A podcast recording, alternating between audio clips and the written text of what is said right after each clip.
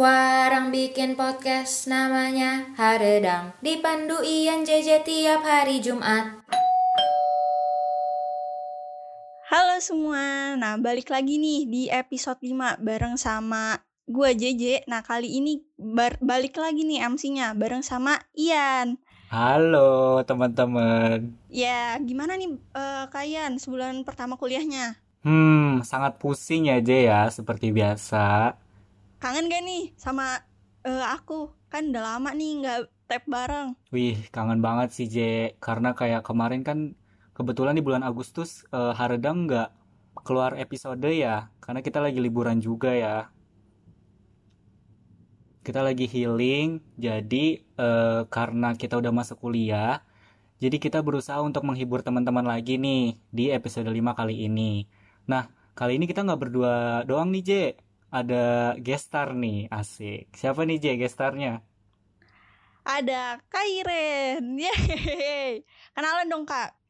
Yeay, Kairen bisa dada-dada? Enggak, enggak ya, bisa dada-dada sih ya. Oke, okay, okay. Kairen mungkin bisa diperkenalan di diri gitu. Kayak Kairen nih siapa sih sebenarnya gitu tiba-tiba diundang gitu.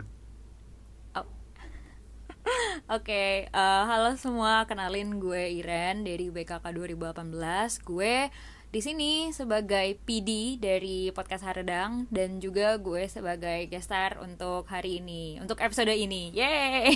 Yeay. Yeay, mantap mantap.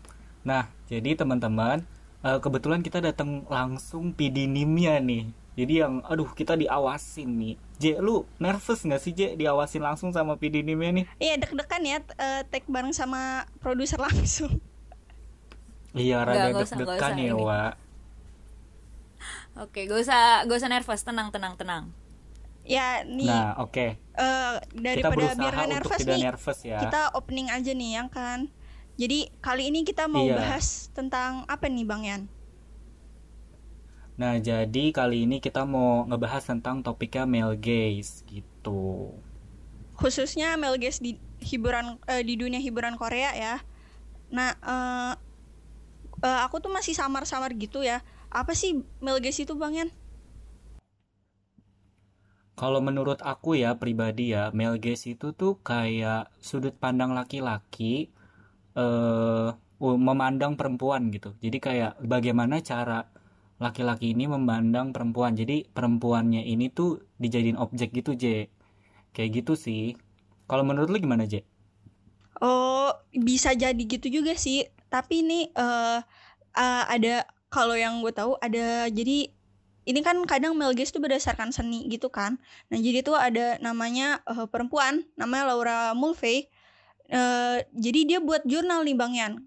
Namanya Visual Pleasure and Narrative Cinema jadi kalau menurut uh, dari jurnal itu uh, si male gaze ini tuh cara pandang laki-laki terhadap perempuan, terus bagaimana perempuan itu memandang dirinya sendiri ataupun perempuan lain memandang perempuan lainnya tuh uh, bagaimana gitu di posisi. Jadi uh, wanita diposisikan sebagai objek atau sifatnya pasif gitu deh gitu, digambarinnya pasif.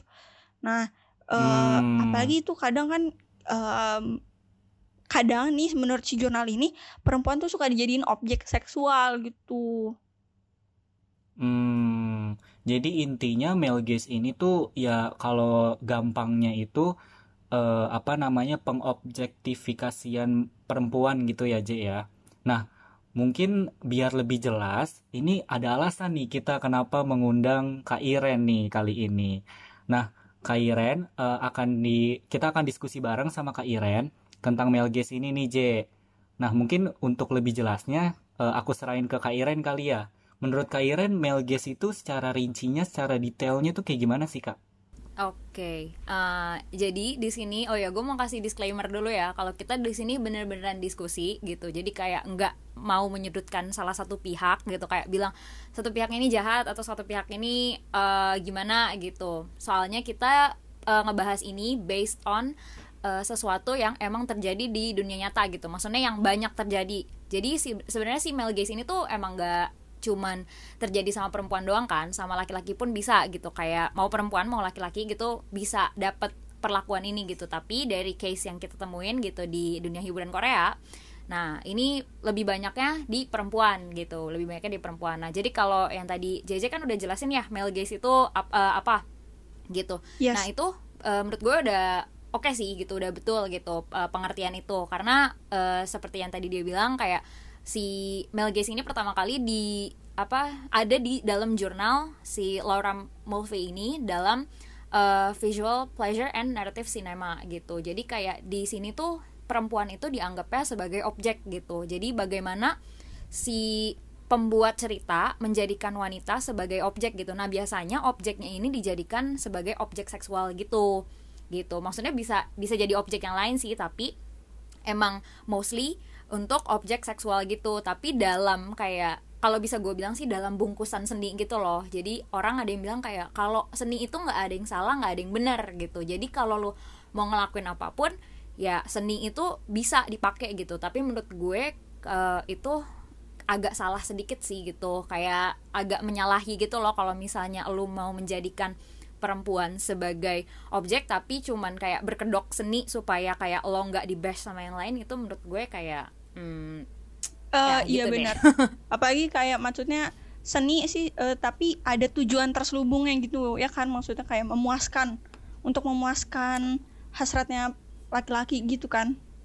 Iya gitu. Sebenarnya nggak cuma laki-laki doang sih, mungkin kayak ada perempuan juga yang kayak maksudnya uh, memandang perempuan lain sebagai objek seksual gitu. Jadi kayak ini si male gaze ini jadinya perempuan tuh dieksploitasi gitu untuk menjadi kepuasan buat si penonton karyanya gitu, si penikmat karyanya gitu. Hmm, bener-bener. Hmm, jadi gitu J. Wah, jadi sebenarnya nggak cuma untuk pandangan laki-laki aja, ternyata ini uh, dari pandangan perempuan juga bisa ya J ya? Iya iya benar. Jadi tergantung sudut pandangnya gitu ya. Betul, betul. Nah, lanjut nih, J. Kalau female gaze itu apa sih sebenarnya? Apakah e, cara perempuan memandang laki-laki atau gimana tuh kira-kira? Oke, okay, uh, eh, ini kalau kita lihat dari oh ya uh, disclaimer lagi ya kayak I'm not an expert gitu. Jadi kayak bisa jadi omongan gue kayak ada yang keliru gitu. Nah tapi kayak uh, menurut uh, apa menurut sumber-sumber yang sudah gue baca gitu dengan bekal pengetahuan gue kalau female gaze itu dia justru berbanding terbalik sama male gaze. Kalau tadi kan male gaze tuh kayak pengobjektifikasi uh, pengobjektifikasian wanita kan. Nah tapi kalau si male gaze uh, female gaze ini justru dia kebalikannya. Jadi si female gaze itu dia adalah kayak uh, hak perempuan untuk mengadopsi pandangan gitu. Pandangan aktif terhadap sesama perempuan dan uh, dalam media gitu. Jadi apa yang ingin perempuan lihat dalam apa apa yang ingin perempuan lihat cerminannya dalam suatu karya gitu. Kayak misalnya nih gue seorang penulis gue pengen karakter perempuan gue ini uh, dia uh, misalnya cantik gitu. Terus dia seksi tapi dia pintar gitu. Kayak misalnya dia pokoknya uh, kayak apa ya kayak dia bisa berdiri untuk dirinya sendiri gitu. Nah itu menurut gue female gaze gitu. Dan yang dari gue baca juga female gaze itu artinya lebih ke apa ya si perempuan ini itu dia bukan menjadi objek tapi dia menjadi subjek dalam ceritanya gitu. Jadi film-film female gaze ini dengan sutradara yang dan penulis perempuan biasanya ditulisnya sama penulis perempuan dan disutradarai oleh perempuan gitu pakai female gaze ini gitu. Jadi untuk mencerminkan bagaimana keinginan mereka untuk uh, perempuan itu dipotretnya seperti apa gitu. Dan udah banyak sih sekarang contoh-contoh film-film yang pakai female gaze ini gitu. Kira-kira contohnya apa tuh kak?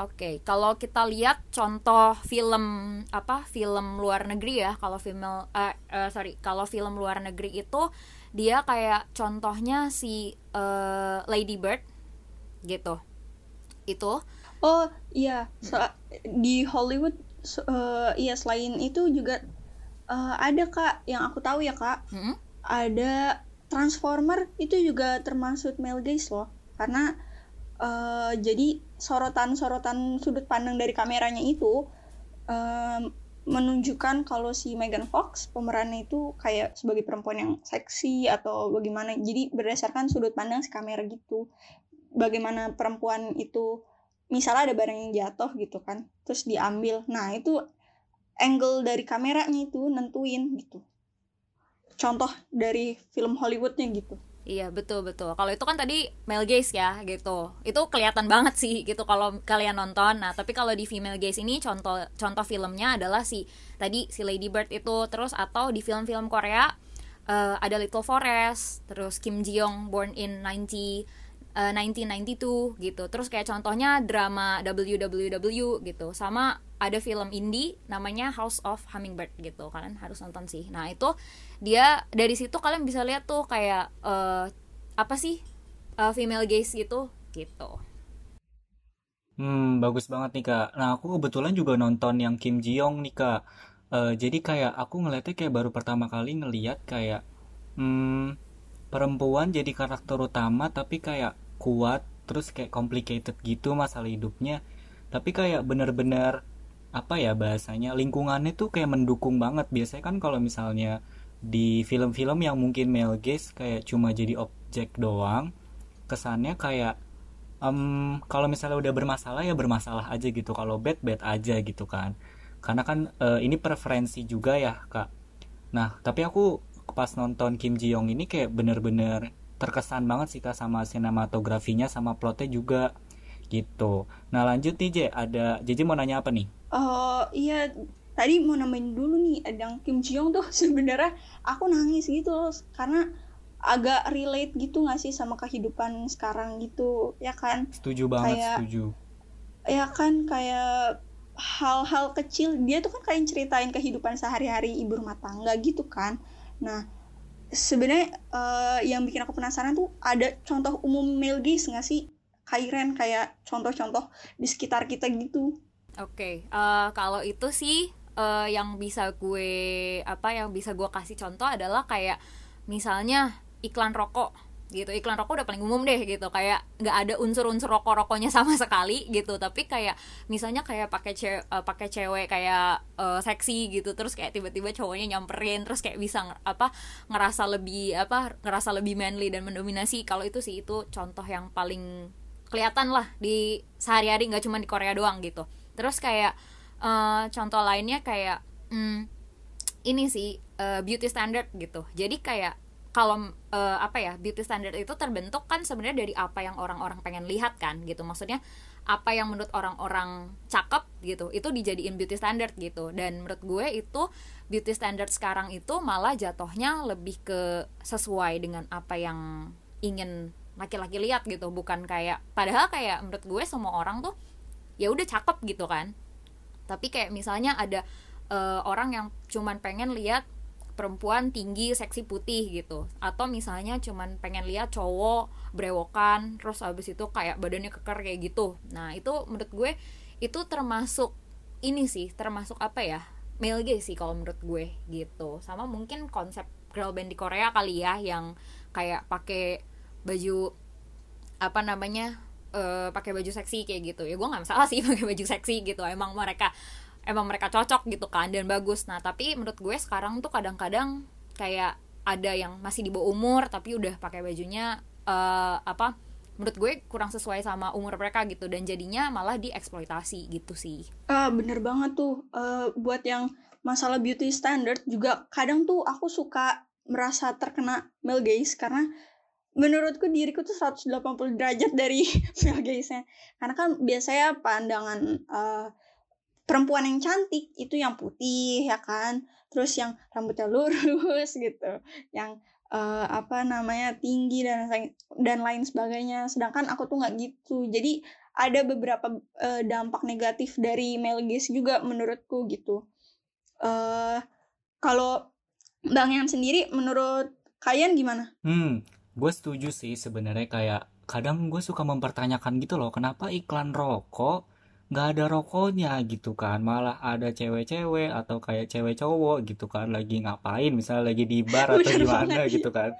Kayak rokoknya mana yang anda jual? Tidak ada wah gitu. Terus yang soal konsep girl band juga gue setuju sih. kayak mungkin karena male gaze ini udah terlalu banyak kayak gue juga ngelihatnya male gaze ini juga merambah ke uh, apa konsep-konsep yang girl crush juga. Karena tadi seperti yang Kairen bilang meskipun ada apa namanya member yang di bawah umur tapi tetap dikasih pakaian yang menurut gue terbuka dan kayak nggak pantas aja kayak dengan umur yang masih minor gitu kesannya. Gitu sih kalau menurut gua.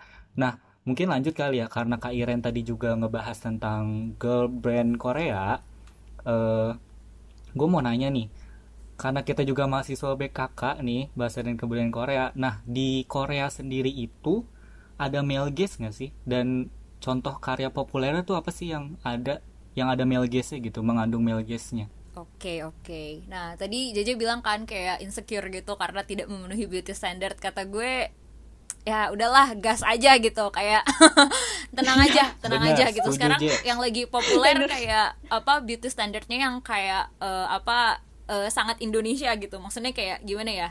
Sekarang kayak menurut gue kayak orang kulit putih atau kayak misalnya rambut lurus itu menurut gue udah gak zaman lagi sih. Kayak lo be yourself itu udah uh-uh, udah basic banget gitu kan. Nah lo harus keluar tuh dari basic itu. Udah biasa banget nggak sih kak? Mm-mm. jadi eh, lebih self love ya sekarang. Kayak ya udah eh, apa ya? Betul, yang penting merawat betul. diri nggak sih sekarang gitu? Mm-mm, betul banget J.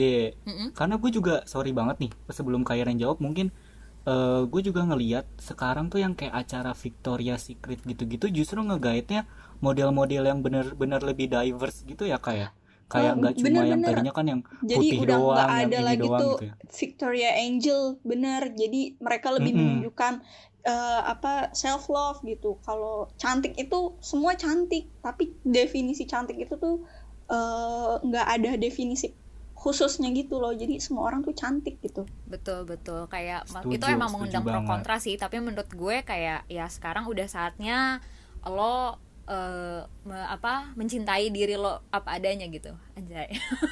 Aduh gue kedengeran ya pokoknya gitu deh gitu. Oh ya terus eh, ini gue jawab pertanyaan lo ya Yan. Nah kalau di male gaze di Korea di budaya Korean pop ini banyak banget sih. Yang tadi gue bilang kan yang kayak konsep girl band gitu. Contohnya kayak Produce 101 yang season pertama. Itu eh, apa namanya eh, gue baca di artikel gitu.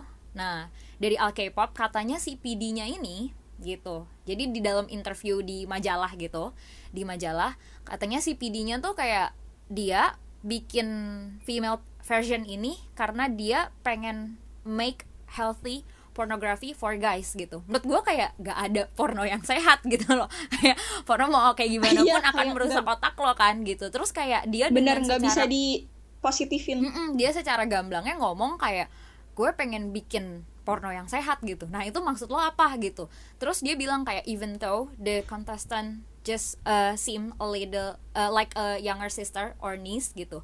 Aren't they adorable? Nah menurut gue itu di situ udah kayak lu bener-bener mengobjektifikasi perempuan tanpa babi bu gitu loh kayak ya itu itu parah banget sih menurut gue. Kayak gue jadi geli gitu loh kayak hah maksudnya gue pengen nonton Produce 101 tuh bukan karena maksudnya gue pengen lihat kayak girl band gitu bukan karena gue pengen meng eh, objekti eh, mengobjektifikasi mereka sebagai sexual object gitu loh. Gue emang pengen kayak ya udah kayak the girls are chasing their dream gitu kan. Kayak ikut tapi malah kayak ternyata di belakangnya kayak gitu gitu. Terus kayak dia eh bilang kayak pengen apa pokoknya pengen bikin kayak gitu kan. Terus dia dengar katanya kayak Rain's performance was like porn for girls. Menurut gue kayak enggak sih gitu. Biasa aja gitu. Kayak enggak. Ini mau mau perempuan atau mau laki-laki yang bikin menurut gue kayak itu nggak sehat lah gitu. Ya I might sounds like a konde tapi kayak ini enggak ini enggak banget sih menurut gue. Kayak lo udah menormalisasi kayak gini tuh menurut gue ada yang salah gitu di sistemnya. Gitu sih menurut gue. Bener hal-hal kayak gini tuh nggak bisa dinormalisasiin gitu sih. Kayak apalagi dia nggak lihat umur gitu sebenarnya eh, harusnya tuh justru diapresiasi nggak sih kak mac- eh, ikut produce kita tuh menikmati mereka nyanyi Iya, gitu nari bukan ngelihat hal setuju, yang benar. gitu kan Mm-mm. di apa kayak apresiasi bakat mereka gitu iya ada ya ternyata pandangan kayak gini baru Oh iya, tahu mungkin gue juga mau ngelurusin lagi kali ya bagi teman-teman. Nah, Mm-mm. jadi sebenarnya menurut artikel yang gue baca juga, nah teman-teman mungkin masih mikir kayak pornografi tuh sesuatu yang kita tonton dan kayak orang yang kita tonton ini nggak pakai sehelai baju pun gitu. Tapi ternyata setelah gue tilik lagi setelah gue cari-cari definisi dari pornografi itu sendiri sebenarnya tuh kayak ketika ada seseorang yang melakukan hal eh, erotik ya erotis gitu dan itu mengundang kayak gairah seksual seseorang itu udah dianggap pornografi sih. Kayak contohnya meskipun lu pakai baju full atau gimana gitu mau cowok mau cewek gitu. Mereka melakukan sesuatu hal yang kayak joget-joget atau something gitu yang emang mengundang itu udah termasuk pornografi sih. Jadi kayak nggak ada yang sehat sebenarnya. Kalau misalnya dia mau bilang healthy pornografi tuh kayak bilang ini rokok versi sehat gitu. Kayak ya itu namanya tetap rokok gitu Iya, tetap tetap masuk sakit akal, gitu benar, Anda. benar. seperti itu sih nah contoh lainnya ada apa aja nih kak ada apa lagi Oke, eh, oke. Sebelum gue masuk ke contoh lain, iya sih tadi gue eh, setuju banget sama kayak apa pun yang mengundang itu. Tapi kayak eh, maksudnya gimana ya? Lo nggak bisa kayak menormalisasi kayak orang pakai baju tutup terus kayak joget-joget gitu itu pornografi. Sebenarnya kayak tergantung dari gimana cara orang ngelihatnya sih, gitu. Menurut gue ya itu menurut gue kayak gimana cara orang ngelihatnya kayak kalau dia emang otaknya damsum ya udahlah, emang mau gimana lagi gitu Ah, kan. benar, benar. Mm, Iya, iya, gitu. itu Dan itu nggak bisa dinormalisasi sama sekali gitu. Nah terus mungkin untuk contoh lainnya ada di film eh, ini namanya film The Handmaiden gitu. Ini karya sutradara eh, Park Chanuk gitu. Dia yang bikin Old Boy, terus yang bikin eh, Lady Vegans gitu. Nah ini ini film seru sih gitu menurut gue. Nah tapi yang bikin gue kayak kesel sedikit di dalamnya gitu oke sebelum gue cerita kenapa gue kesel sama film ini gitu walaupun dia bagus banget ya jadi si film ini itu bukan buat kalian yang belum nonton mungkin kayak kalian bisa nonton dulu filmnya gitu tapi kayak make sure kalian udah legal untuk nonton film ini gitu nah jadi si film Handmaiden ini tuh kayak eh, backgroundnya pas tahun 1930-an gitu kolonias kolonialisasi Jepang di Korea gitu. Nah film ini tuh dimainin sama uh, Kim Tae-ri gitu. Kim Tae-ri aduh gue suka banget sama Kim Tae-ri gitu. Nah si Kim Tae-ri ini dia berperan sebagai si Nam Sok nah si Nam Sok ini dia tuh kayak eh, apa ya dia kayak orang miskin gitu. Nah dia direkrut nih sama eh Ha Jong Woo gitu. Ha Jong Woo dia memerankan sebagai Count Fujiwara gitu. Nah, dia si eh, Count Fujiwara ini nge-hire Nam Sok Hee untuk jadi asisten rumah tangga eh, si Hideko. Nah, Hideko ini diperankan oleh aktris Kim Min Hee gitu. Nah, si Hideko ini tuh dia seorang eh, apa piatu yang dibesarkan sama pamannya gitu. Nah, pamannya ini namanya Kouzuki gitu, diperankan sama Che Jinwoong gitu. Nah, si Deko ini pokoknya kayak banget dah gitu. Terus si Count Fujiwara ini tuh pengen kayak gue harus nikah sama dia untuk eh, ngambil hartanya gitu. Jadi sebenarnya kayak dia nggak suka sama si cewek ini gitu. Tapi dia cuma pengen hartanya doang. Jadi kayak nah kalau gue sendiri nggak bisa dong. Akhirnya dia ngerekrut lah nih si Nam Soki ini gitu. Jadi pembantunya.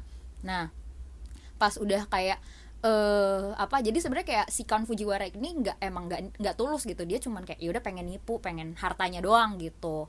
Nah tapi di tengah-tengah rencana mereka nih kayak eh apa si tiba-tiba si eh, siapa Hideko ini jatuh cinta gitu. Kayak Namsoki sama eh, Hideko ini saling jatuh cinta gitu. Nah akhirnya hasilnya pokoknya gagal deh gitu. Apa namanya plan mereka gitu. Oh ya sorry banget ya spoiler untuk yang belum nonton. Kayak sorry banget gitu nah terus. Oke, nah terus ini film ini kayak lah kan cuma kayak gitu doang. Di mana Mel Gaze-nya? Nah, Mel Gaze ini adalah ketika dia eh, banyak sih banyak kayak shot eh, angle seksual di mana kayak si eh, apa Nam Sok Hee dan Hideko ini kayak diliatin kayak maksudnya kayak menurut gue itu indah gitu loh kayak mereka berdua saling jatuh cinta gitu kan tanpa kayak paksaan dan atau gimana gitu kayak mereka berdua sama-sama pengen bebas gitu kan nah tapi di shotnya ini yang bikin gue merasa terganggu adalah kayak ketika dia di shotnya tuh kayak secara sexually gitu loh dan itu menurut gue kayak ah gue jadi kayak ah pas nontonnya kayak ah ini kayak aduh gue sounds like konde lagi tapi kayak ya gitu sih kayak gue kayak Lagi-lagi sudut pandang kamera. Iya. Hmm, lagi-lagi ya, bikin Heeh, gitu. Jadi kayak karakter si kan Hideko sama Namsoki ini kan lesbian gitu kan gitu. Dan beneran di emang diceritakan secara gamblang gitu. Gue ya nggak apa-apa gitu. Kayak mereka menurut gue mereka berdua uh, jatuh cinta dalam hal yang menurut gue sangat indah gitu. Karena mereka sama-sama pengen terbebas gitu dari dari apa namanya dari apa pun yang mengikat mereka gitu kan. Nah tapi di sini adalah male gaze-nya adalah ketika si jadi di film ini tuh di di shot secara gamblang ketika mereka uh, apa namanya uh, having sexual intercourse gitu. Itu sih yang bikin gue uh, kinda apa ya namanya uh, terganggu gitu. Kayak menurut gue sebenarnya itu nggak usah dimasukin pun kayak orang udah ngerti ceritanya gitu. Tapi kayak guji gitu guji lu masukin ke situ gitu kan.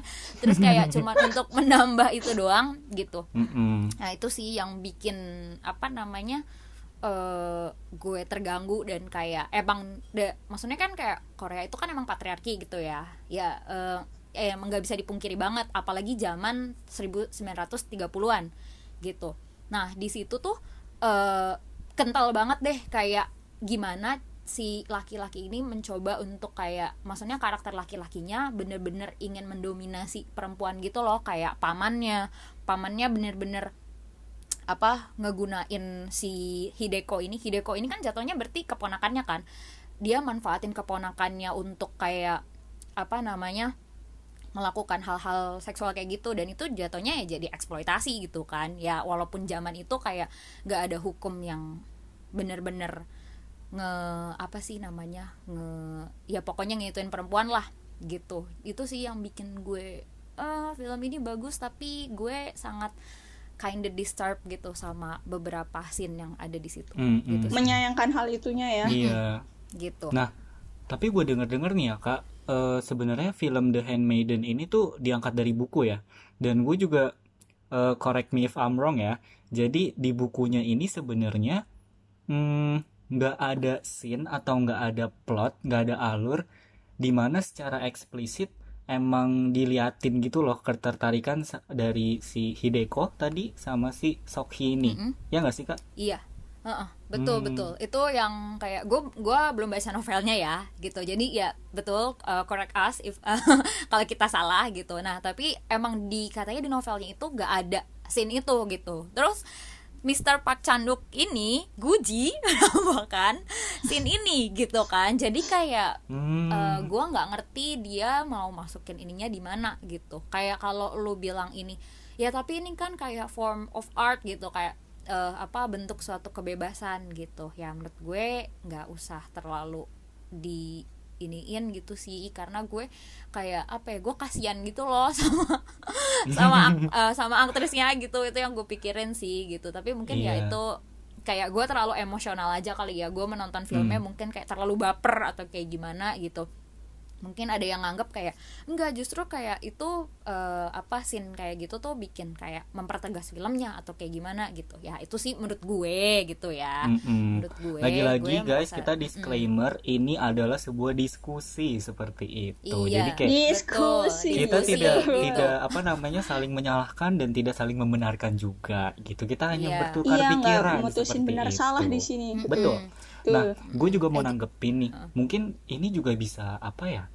Bisa bener-bener emang dikaitin sama Mel Gibson sih, karena kan awalnya dari novel dan sutradaranya juga laki-laki kan. Jadi kayak novel kan Iya. ada beberapa yang emang di di apa ya namanya?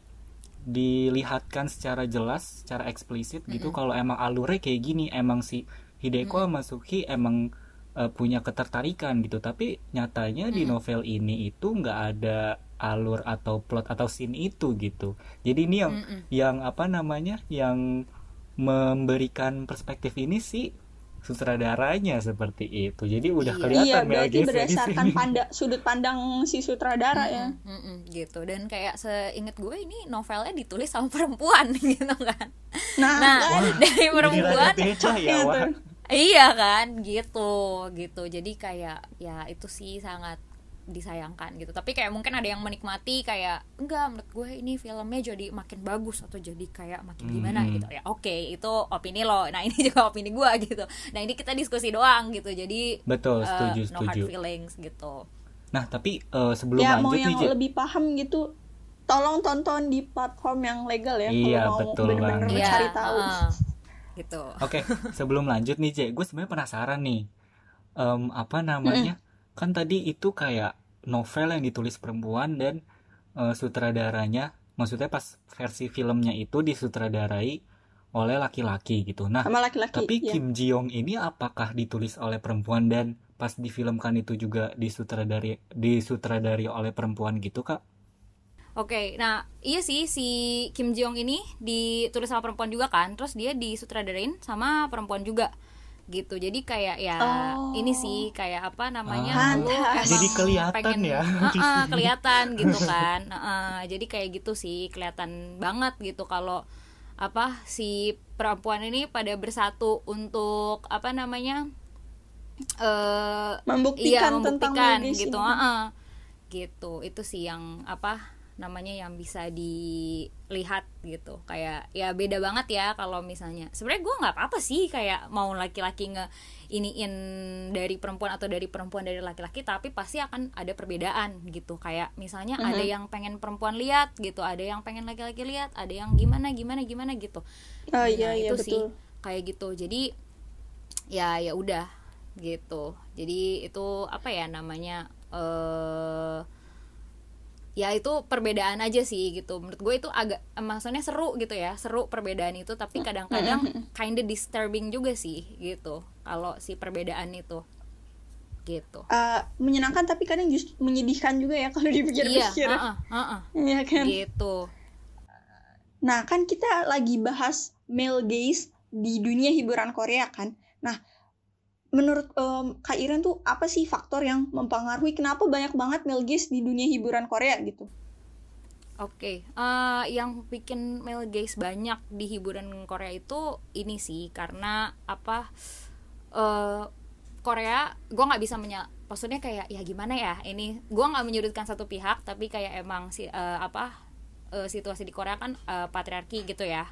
Nah jadi ya itu yang bikin kayak lebih banyak male gaze dibanding apa yang ingin perempuan lihat gitu kan.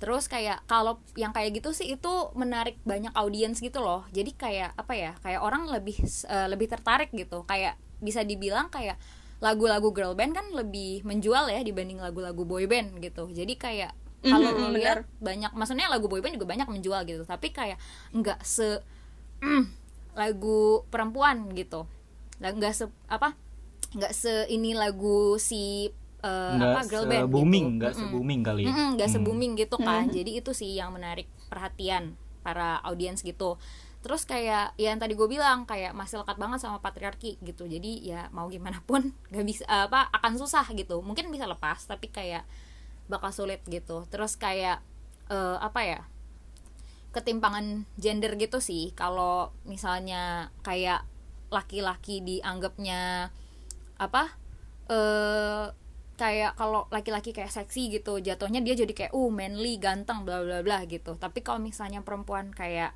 seksi atau kayak gimana itu jatuhnya kayak jadi kayak uh lo ini ya apa namanya eh apa lo eh, ingin menjual ya atau misalnya kayak lo eh, mudah deh pokoknya dijadikan objek Iya gitu. dianggap perempuan nakal gitu ya Mm-mm, kalau gitu. Gue nggak bisa bilang dianggap perempuan nakal juga sih tapi kayak itu sih kenyataannya kayak eh, pahit gitu. Iya, tapi iya. kayak ya begitu. Gitu. Dalam berpakaian juga ya kadang kalau misalnya lah kita cuma mau mengapresiasi diri pakai baju yang bagus atau Iya. pakai baju yang eh, baju yang cantik kadang justru yang dinilai malah sisi negatifnya gitu. Iya, kayak mungkin gitu. bajunya agak sedikit kebuka pundaknya dilihat ngapain gitu tapi Mm-mm. kalau misal laki-laki yang pakai eh, gimana agak terbuka justru bilang wah bagus ya badannya atau gimana gitu betul betul Hmm, hmm, Gitu. setuju. Gue setuju karena em, mungkin ini dari sisi perempuan juga ada yang ngerasain di mana kalau misalnya jadi kayak sebenarnya di sini tuh tergantung perspektif dan cara kita menanggapi sih.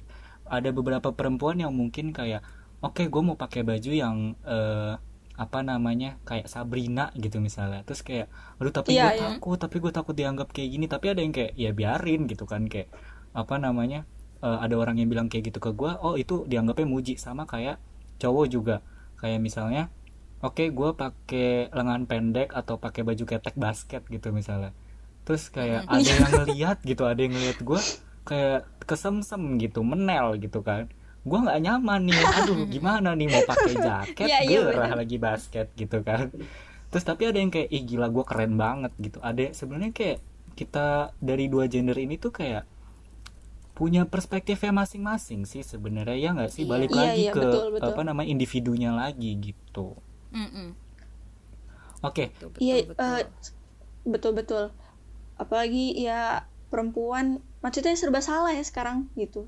Kayak iya mau bodo amat tapi kadang dibilang nggak sopan gitu. Ya ada posi- sisi positif dan sisi negatifnya gitu. Mm-mm, betul banget. Nah, jadi gitu aja ya Robun.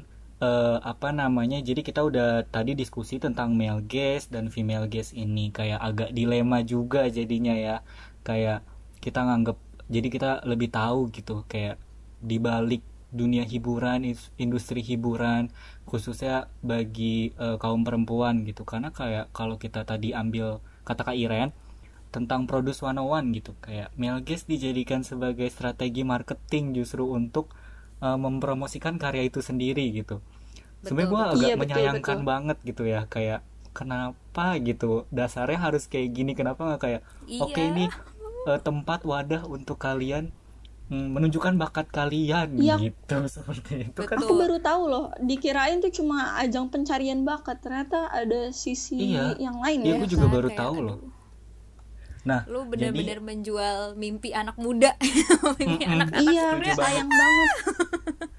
so sad gitu kan nah tapi eh, apa namanya kalau gue pikir-pikir ya tadi yang seperti gue bilang kayak ini balik lagi ke individunya karena kita di sini nggak menyalahkan sepenuhnya male gaze atau kayak kita nggak bilang male gaze itu buruk ataupun baik gitu. Jadi kayak sebenarnya male gaze ini kayak kalau gue cerna dari tadi kita awal diskusi itu tuh kayak kita punya HP nah HP ini tuh kita mau pakai buat apa gitu? Nah sama kita laki-laki Iya. semua punya male gaze gitu kan.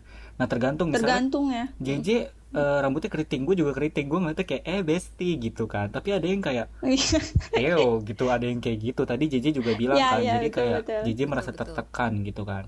Nah sebenarnya kita nggak ngomongin baik atau buruk ya tapi kayak semua balik ke persepsi masing-masing. Male gaze ini kayak cuma eh, alat atau penyebutan aja untuk mm, cara pandang laki-laki kayak gitu sih nah bisa aja sih eh, dari pembuat karya yang melakukan itu emang pure seni gitu bukan untuk memenuhi kepuasan Benar-benar. seksual seseorang aja gitu Iya. nah maka dari Iya, itu bisa misalnya maha, eh, mahat patung ya kan itu buat menunjukkan seni kayak ke kecantikan seorang perempuan itu juga bisa kan dari sisi laki-laki. betul Hmm. setuju banget betul Iya, setuju banget. Nah, maka dari itu nih, kita sebagai penonton emang harus lebih aware lagi, lebih peka lagi terhadap isu yang seperti ini agar ke depannya tuh kita bisa milih mana karya yang emang lebih cocok dengan ideologi dan pemikiran kita. Dan itu nggak ngerugiin orang lain. Seperti itu, teman-teman. Nah, oke kita udah eh, ada di penghujung acara nih. Mungkin eh, ada apa namanya pesan-pesan dari JJ yang ingin disampaikan. Hmm, kalau dari aku sih eh, sekarang lebih buat lebih percaya diri aja. Emang lihat sisi eh, positif dari semua hal gitu. Ya nggak sih Kak? Kayak Betul, gaze emang betul. kadang buruk, tapi coba lihat sisi positifnya aja deh gitu. Kita jadi pribadi yang lebih baik gitu. Kita memperbaiki diri aja gitu. Setuju. Nah, kalau dari Kairen gimana nih, Kak? Hmm, kalau dari gue eh, ini sih kayak apa? Gue berharap ke depannya eh, para pembuat film atau para pembuat karya gitu enggak apa ya, enggak terlalu memaksakan untuk apa ya namanya? Untuk eh, di diduitin gitu nggak terlalu memaksa Iya, betul, diduitin dan betul. buat eh, apa maksudnya audiens untuk kayak ter ter apa ya ya emang sulit sih tapi itu kayak itu tantangan buat mereka gitu sebagai untuk atau mungkin untuk kalian yang pengen jadi pembuat film atau pembuat seni gitu untuk kayak gimana caranya supaya eh, nggak ada pihak yang terlalu dirugikan gitu. Soalnya kalau yang kita lihat di sini kan pihak yang dirugikan jelas banget kan kelihatan gitu. Jadi betul. bikin kayak orang jadi nggak percaya diri lah atau kayak jadi menyalahkan keadaan lah atau kayak gimana gitu sih. Jadi ya pesan dari gua semoga eh, kalian semua bisa bisa lebih bijak lah gitu apa sih gua ngomong ya pokoknya gitu deh lebih bijak untuk eh, membuat satu karya gitu Mm-mm. betul betul Setuju banget sih karena Kalau- kayak kalau bisa tidak menyudutkan salah satu pihak gitu ya Iya, setuju banget. Nah, kalau dari gue sendiri sih, eh, kita nih sebenarnya balik lagi ya. Kalau menurut gue kayak kita terlalu eh, apa namanya? Karena gue tahu kita semua diverse kayak dari berbagai suku, berbagai gender, berbagai strata, strata sosial gitu kan.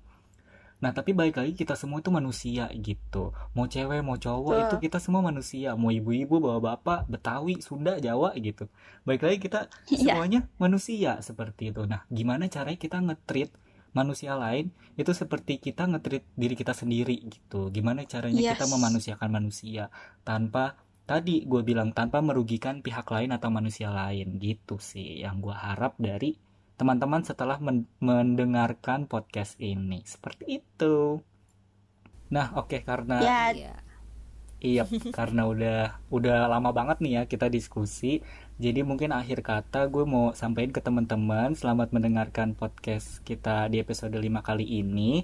Eh, selamat berakhir pekan juga ya teman-teman karena kita balik lagi untuk menghibur teman-teman yang suntuk di tengah perkuliahannya seperti itu. yes betul sekali terima kasih semua Terima udah kasih Kak Iren kita. udah bersedia hadir. makasih Kak Iren udah mau jadi bintang Iya, tamu kita kali ini sama-sama. Aduh, jangan laporin gue ke ini ya, gue takut dipanggil nih sama ini gara-gara ngomongin ini.